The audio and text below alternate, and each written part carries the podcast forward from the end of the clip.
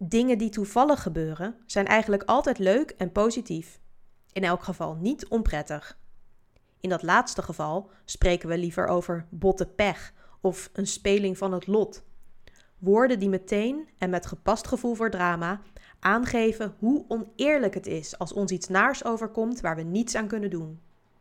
Niet dat de meesten van ons echt denken dat we recht hebben op een bestaan dat van louter heerlijkheden aan elkaar hangt, maar ieder dier probeert angst, pijn en een voortijdig einde toch liever te vermijden. Evolutionair gezien zijn we allemaal gelukzoekers.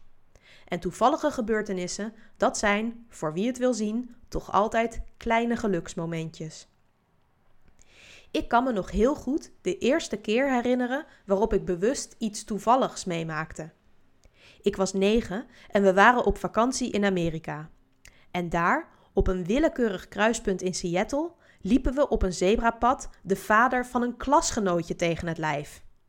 Ik vond dat zo bijzonder dat het een van de sterkste herinneringen is die ik aan die hele vakantie heb overgehouden. De wereld is zo groot en dan tref je aan de andere kant van de oceaan toch een bekende. Wat is de kans? Tijdens mijn studietijd overkwam me trouwens nog een keer iets vergelijkbaars. In een vliegtuig naar Amsterdam was ik aan de praat geraakt met een man in de stoel naast mij. Hij woonde in Los Angeles, waar ik toevallig stage zou gaan lopen. Maanden later stond ik op een kruispunt in LA op de bus te wachten toen er voor mijn neus opeens een auto stopte en ik een lift aangeboden kreeg van de man uit het vliegtuig. Dat hij me nog herkende was op zich al een klein wonder en dit klinkt als het begin van een romantische komedie. Want wat was de kans dat hij in die miljoenenstad precies langs reed bij dat kruispunt op het moment dat ik daar bij de bushalte stond? Ik ontwaar hier trouwens een interessant patroon waarbij ik toevallige ontmoetingen heb op random kruispunten in de Verenigde Staten, maar dat terzijde. Omdat de menselijke geest nu eenmaal geneigd is om verbanden te zien die er feitelijk niet zijn, doen wetenschappers juist extra hard hun best om anderen, maar in eerste instantie vooral zichzelf, ervan te overtuigen dat wat zij waarnemen niet op toeval berust, maar juist een wetmatigheid in de natuur blootlegt. Uiteindelijk komt hier vaak statistiek om de hoek kijken want aan iedere toevalligheid ligt tenslotte een wiskundig kansproces ten grondslag.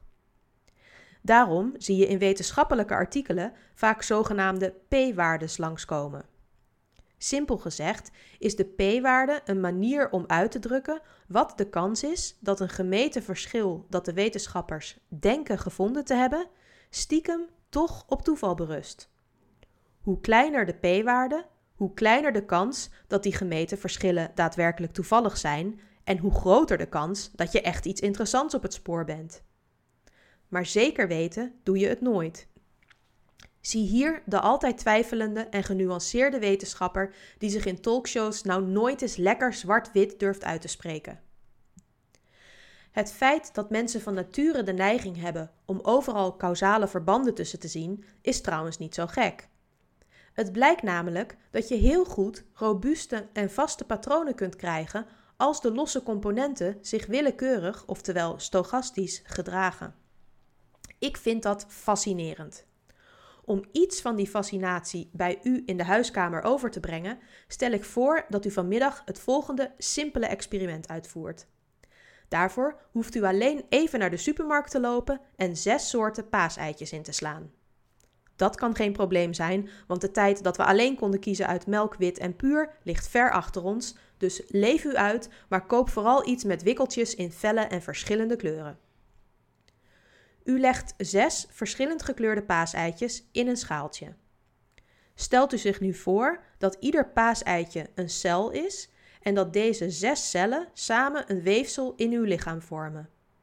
Er is alleen één probleem Iedere minuut gaat er één cel dood en moet een van de overgebleven vijf cellen zich delen om dat gat op te vullen. Er is dus feitelijk maar één spelregel. Er moeten altijd zes paaseitjes in dat schaaltje liggen, anders verliest het weefsel zijn functie. Nu zet u een stopwatch en iedere minuut pakt u random een eitje dat de schaal moet verlaten. Niet vals spelen, doe uw ogen dicht en grabbel of gebruik een dobbelsteen waarbij u van tevoren bedenkt welke kleuren er bij 1 tot en met 6 horen. Zodra er een eitje uit de schaal is, moet er een nieuw eitje bijkomen om het gat op te vullen. En om te bepalen welke kleur dat nieuwe eitje heeft, wijst u, wederom willekeurig, één van de overgebleven vijf eitjes aan. U pakt een eitje van die kleur uit de zak en legt dat in het schaaltje. Dit herhaalt zich iedere minuut. Als u dit nou lang genoeg volhoudt en niet alle eitjes direct opeet, dan zult u uiteindelijk altijd eindigen met een schaaltje paaseitjes van dezelfde kleur. Soms heeft u hier misschien het minimum van 5 minuten voor nodig, soms misschien wel 100, maar uiteindelijk wordt er één kleur dominant. Welke kleur dat is, is volstrekt toevallig.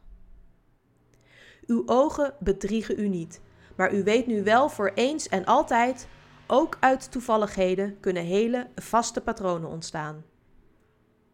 Als u dit spel vaker speelt en goed oplet, dan zult u trouwens ook zien dat een dominant ei dat bijna alle posities heeft ingenomen, alsnog het onderspit kan delven. Dat geeft de burger moed in deze donkere tijden.